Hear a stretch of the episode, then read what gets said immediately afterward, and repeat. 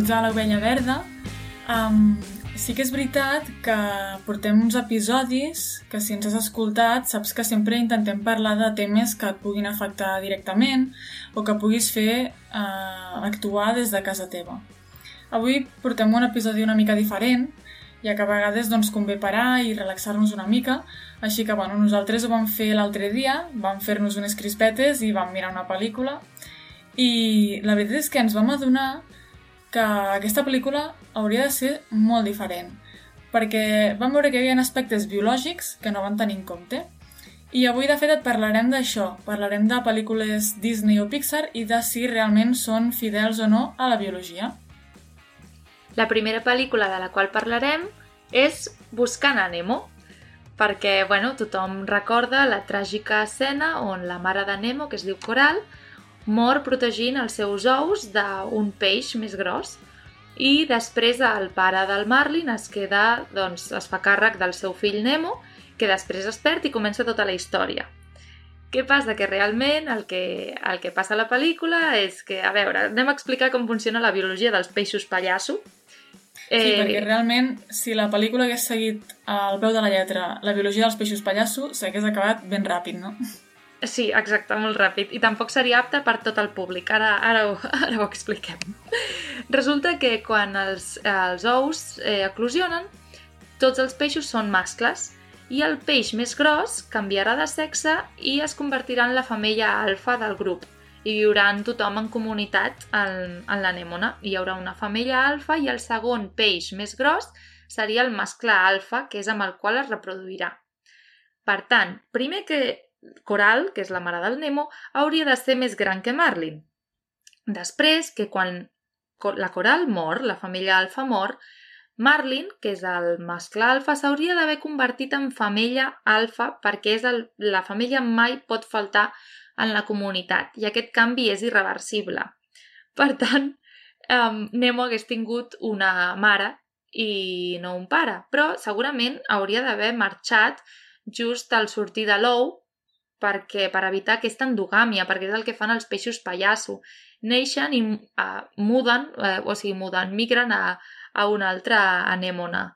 I alguns peixos, de fet, mai arriben a reproduir-se perquè només hi ha una femella alfa i un mascle alfa i arriben a un lloc on hi ha aquesta jerarquia ja imposada i poden competir per ser el mascle alfa, però potser no arriben mai a, a ser a ser-ho. Sí, exacte. Una altra cosa que veiem a la pel·lícula de Nemo, de Buscant a Nemo, és el lloc on viuen, ja que viuen en una anèmona.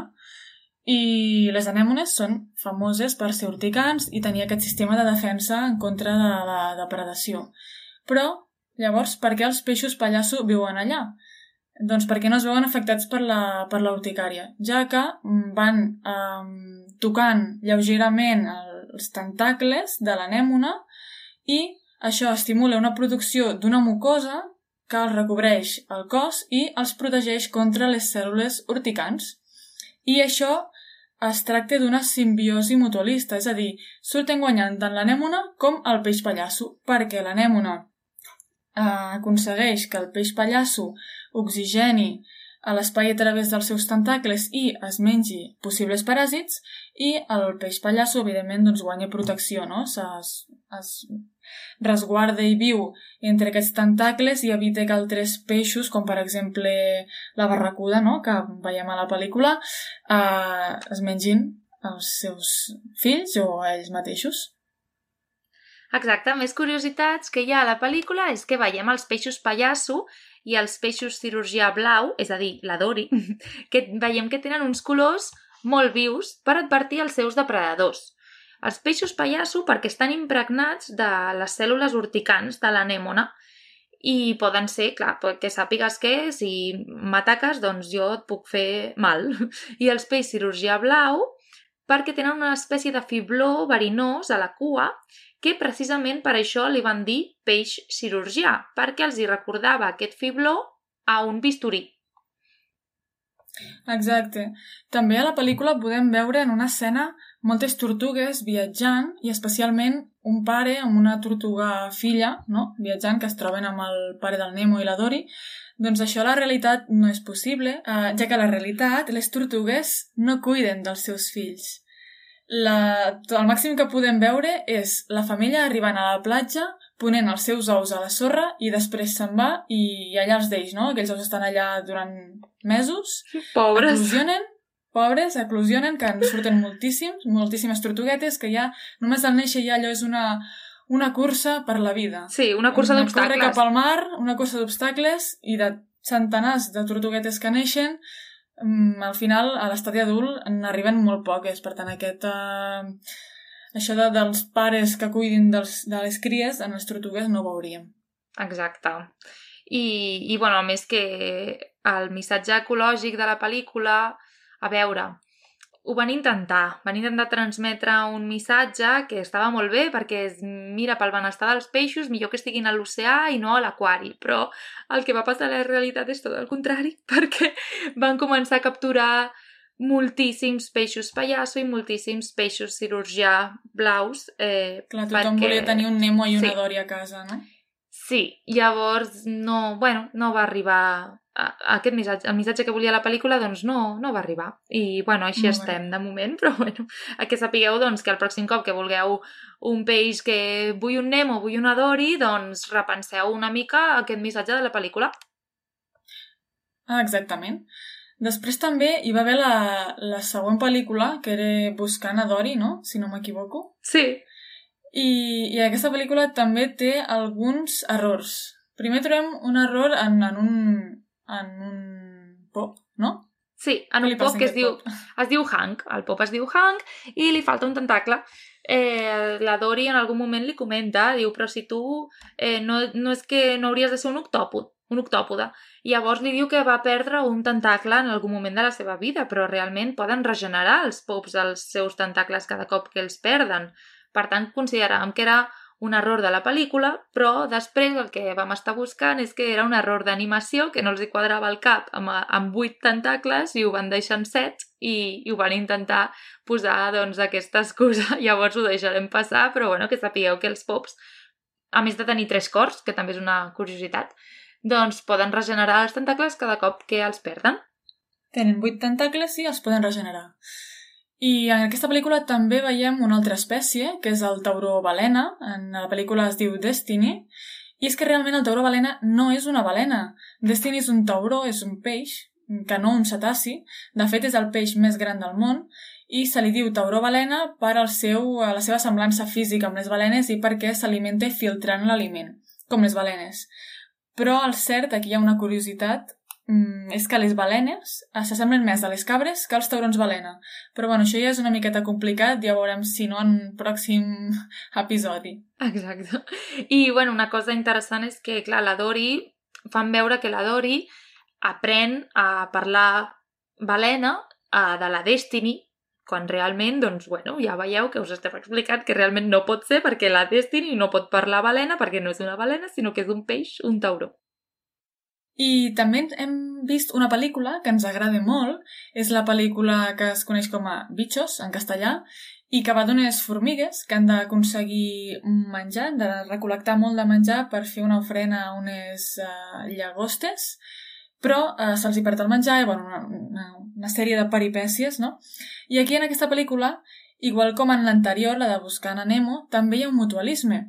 I és que, eh, si us hi fixeu, la reina, la reina formiga, sempre va acompanyada d'un petit insecte de color verd que l'agafa i eh, aquest eh, insecte és un pugó.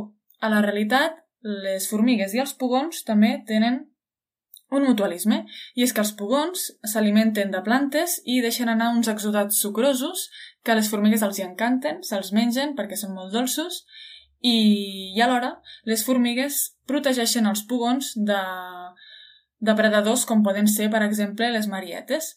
Però a vegades, bueno, això s'ha vist realment que no és un mutualisme al 100%, ja que a vegades els pugons el que fan és deixar anar uns exudats que simulen que, que simulen ser larves de formiga pel que les formigues els agafen, se'ls emporten cap als seus caus i allà els pugons eh, són molt vius i es mengen la sang o es mengen les larves de les formigues. Així que realment a vegades enganyen les formigues i no és un mutualisme al 100%. És a dir, no surten sempre beneficiades les dues espècies. Una altra curiositat de la pel·lícula és que en algun moment, bueno, això surt al principi, de fet, de la pel·lícula, hi ha una fulla enmig de la fila de formigues que van cap al formiguer i entren en pànic. Però a poc a poc comencen a superar aquest obstacle. I això veiem que és molt encertat perquè passa a la vida real. Tenen molts obstacles que superar des d'on van a buscar el menjar fins al formiguer i, i els, tenen aquesta capacitat de resoldre un nou problema, no un obstacle que ja estigui allà fixe, sinó que pugui ser mòbil, com una fulla que cau d'un arbre, i que sapigueu que bueno, tenen aquest tipus d'intel·ligència, que poden resoldre... És com una intel·ligència col·lectiva. Sí, i, que, i resolutiva, força, una mica, mm -hmm. no? Doncs Llavors, sí. volíem parlar també del, del llibre de la selva. Ens agrada molt aquesta pel·lícula. I, bueno, veiem que coneixem el noi, el protagonista, que és el Mowgli, i que al principi doncs, veiem com es cria entre una embandada de llops. I penseu, això seria possible a la vida real? Doncs sí, podria ser possible a la vida real, justament perquè ha passat i es va quedar un nen amb 8 anys sol al bosc que L'home que el cuidava doncs, va morir i es va criar entre llops. Per tant, la història de Mowgli podria ser perfectament real, que es va criar també entre, bueno, entre vida salvatge. I això és una, és una part que ens agrada de la pel·lícula. Per sorprenent que sembli aquesta curiositat, pot ser real. Una altra curiositat que trobem en aquesta pel·lícula, bueno, un altre fallo, per dir-ho així, un altre error d'aquesta pel·lícula, és que hi ha, uh, hi ha un grup d'elefants on són tots mascles i el líder és un mascle. I això a la realitat no és així, perquè a la realitat els grups d'elefants són femelles i la líder és la femella més sàvia i amb més experiència. I realment sí que a vegades s'hi poden trobar mascles, però només mascles mm, joves que encara no han arribat a la seva maduresa sexual, ja que quan arriben a la seva maduresa sexual doncs tenen uh, una... Bueno, se'ls se sent una agressivitat i les femelles l'expulsen del grup perquè aquest mascle es torna un mascle solitari que sí que tindrà en compte en contres puntuals en femelles per reproduir-se, però en general no viurà amb el grup. Llavors, en algun moment, de fet, eh, surt un desastre, un, un que xoquen entre els, tota la bandada de, de mascles en algun moment i és tot un desastre col·lectiu i és, bueno, aquí farem la broma de que és per això mateix, perquè no hi ha una líder família que està liderant el grup, que ho està fent un mascle, no s'estan enterant de l'error. I, I, bueno, una altra cosa que ens ha agradat eh, de la pel·lícula, bueno, que ens ha agradat no, tot al contrari, perdó, és que realment, en teoria, el llibre de la selva està ambientat a la Índia, on surten orangutans en algun moment de la pel·lícula, en una ciutat en runes. I això no té molt de sentit perquè els orangutans viuen a, a les illes de Borneo i Sumatra, a Indonèsia i Malàsia, Llavors, una de les dues coses està malament. És a dir, o el llibre de la selva no està ambientat a la Índia o, o, o és que els orangutans no haurien de sortir perquè no, no viuen a la Índia, no és, no, és, no és la seva distribució. I si parlem de pel·lícules de Disney i de pel·lícules on surtin animals, no podem deixar de parlar de la pel·lícula del rei lleó, ja que aquesta pel·lícula també està plena de curiositats biològiques que volem comentar. Per exemple, a la pel·lícula veiem una bandada de lleons eh, on hi ha dos mascles germans i moltíssimes femelles. Vale, primer us explicarem com s'estructuren socialment els lleons, Andrea. Doncs sí que és veritat que els lleons són polígams, els mascles es barallen per dominar un grup i hi ha un mascle alfa, com passa, que és el Mufasa, no? I és veritat també que són infanticides. Això vol dir que si un lleó eh, venç a un altre, eh, matarà les cries de l'altre per poder reproduir-se amb la femella. Llavors, que Scar volgués matar Simba, doncs pot ser real. Les femelles estan relacionades genèticament, es mantenen al grup, mentre que els lleons mascles venen d'altres bandades. Per tant, Mufasa i Scar, sent germans, no haurien d'estar en el mateix grup, perquè quan són joves i arriben a la maduresa sexual, els expulsen del grup i cada un se'n va per una banda diferent, per evitar aquesta endogàmia, perquè si el jove es torna el mascle dominant i es queda en el mateix grup, hauria de reproduir-se amb les femelles amb les que està relacionat genèticament, com per exemple la seva tieta. Llavors no té molt de sentit. No és el que passa a la vida, a la vida real, no? No, i també veiem una altra cosa en aquesta pel·lícula, i és que el dolent de la pel·lícula, l'Scar, si ens hi fixem, té la melena molt més fosca, la té negra, i bé, de fet, s'ha demostrat que contra més melanina, és a dir, contra el pèl més fosc, més testosterona, per tant, més agressivitat. I això realment ho veiem representat a la personalitat d'Scar a la pel·lícula. Això està bé.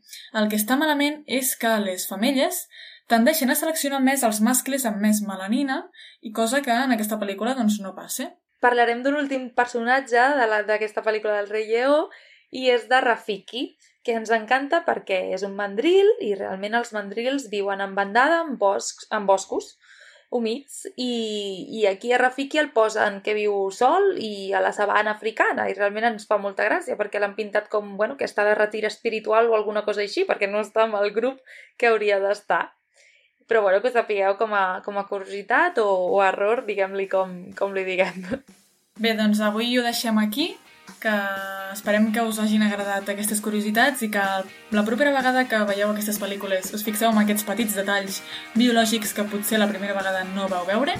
Si voleu saber més curiositats d'aquest estil, ens podeu seguir les nostres xarxes socials. Somos l'Oveja Verde i fins al següent episodi. Merci. Adéu!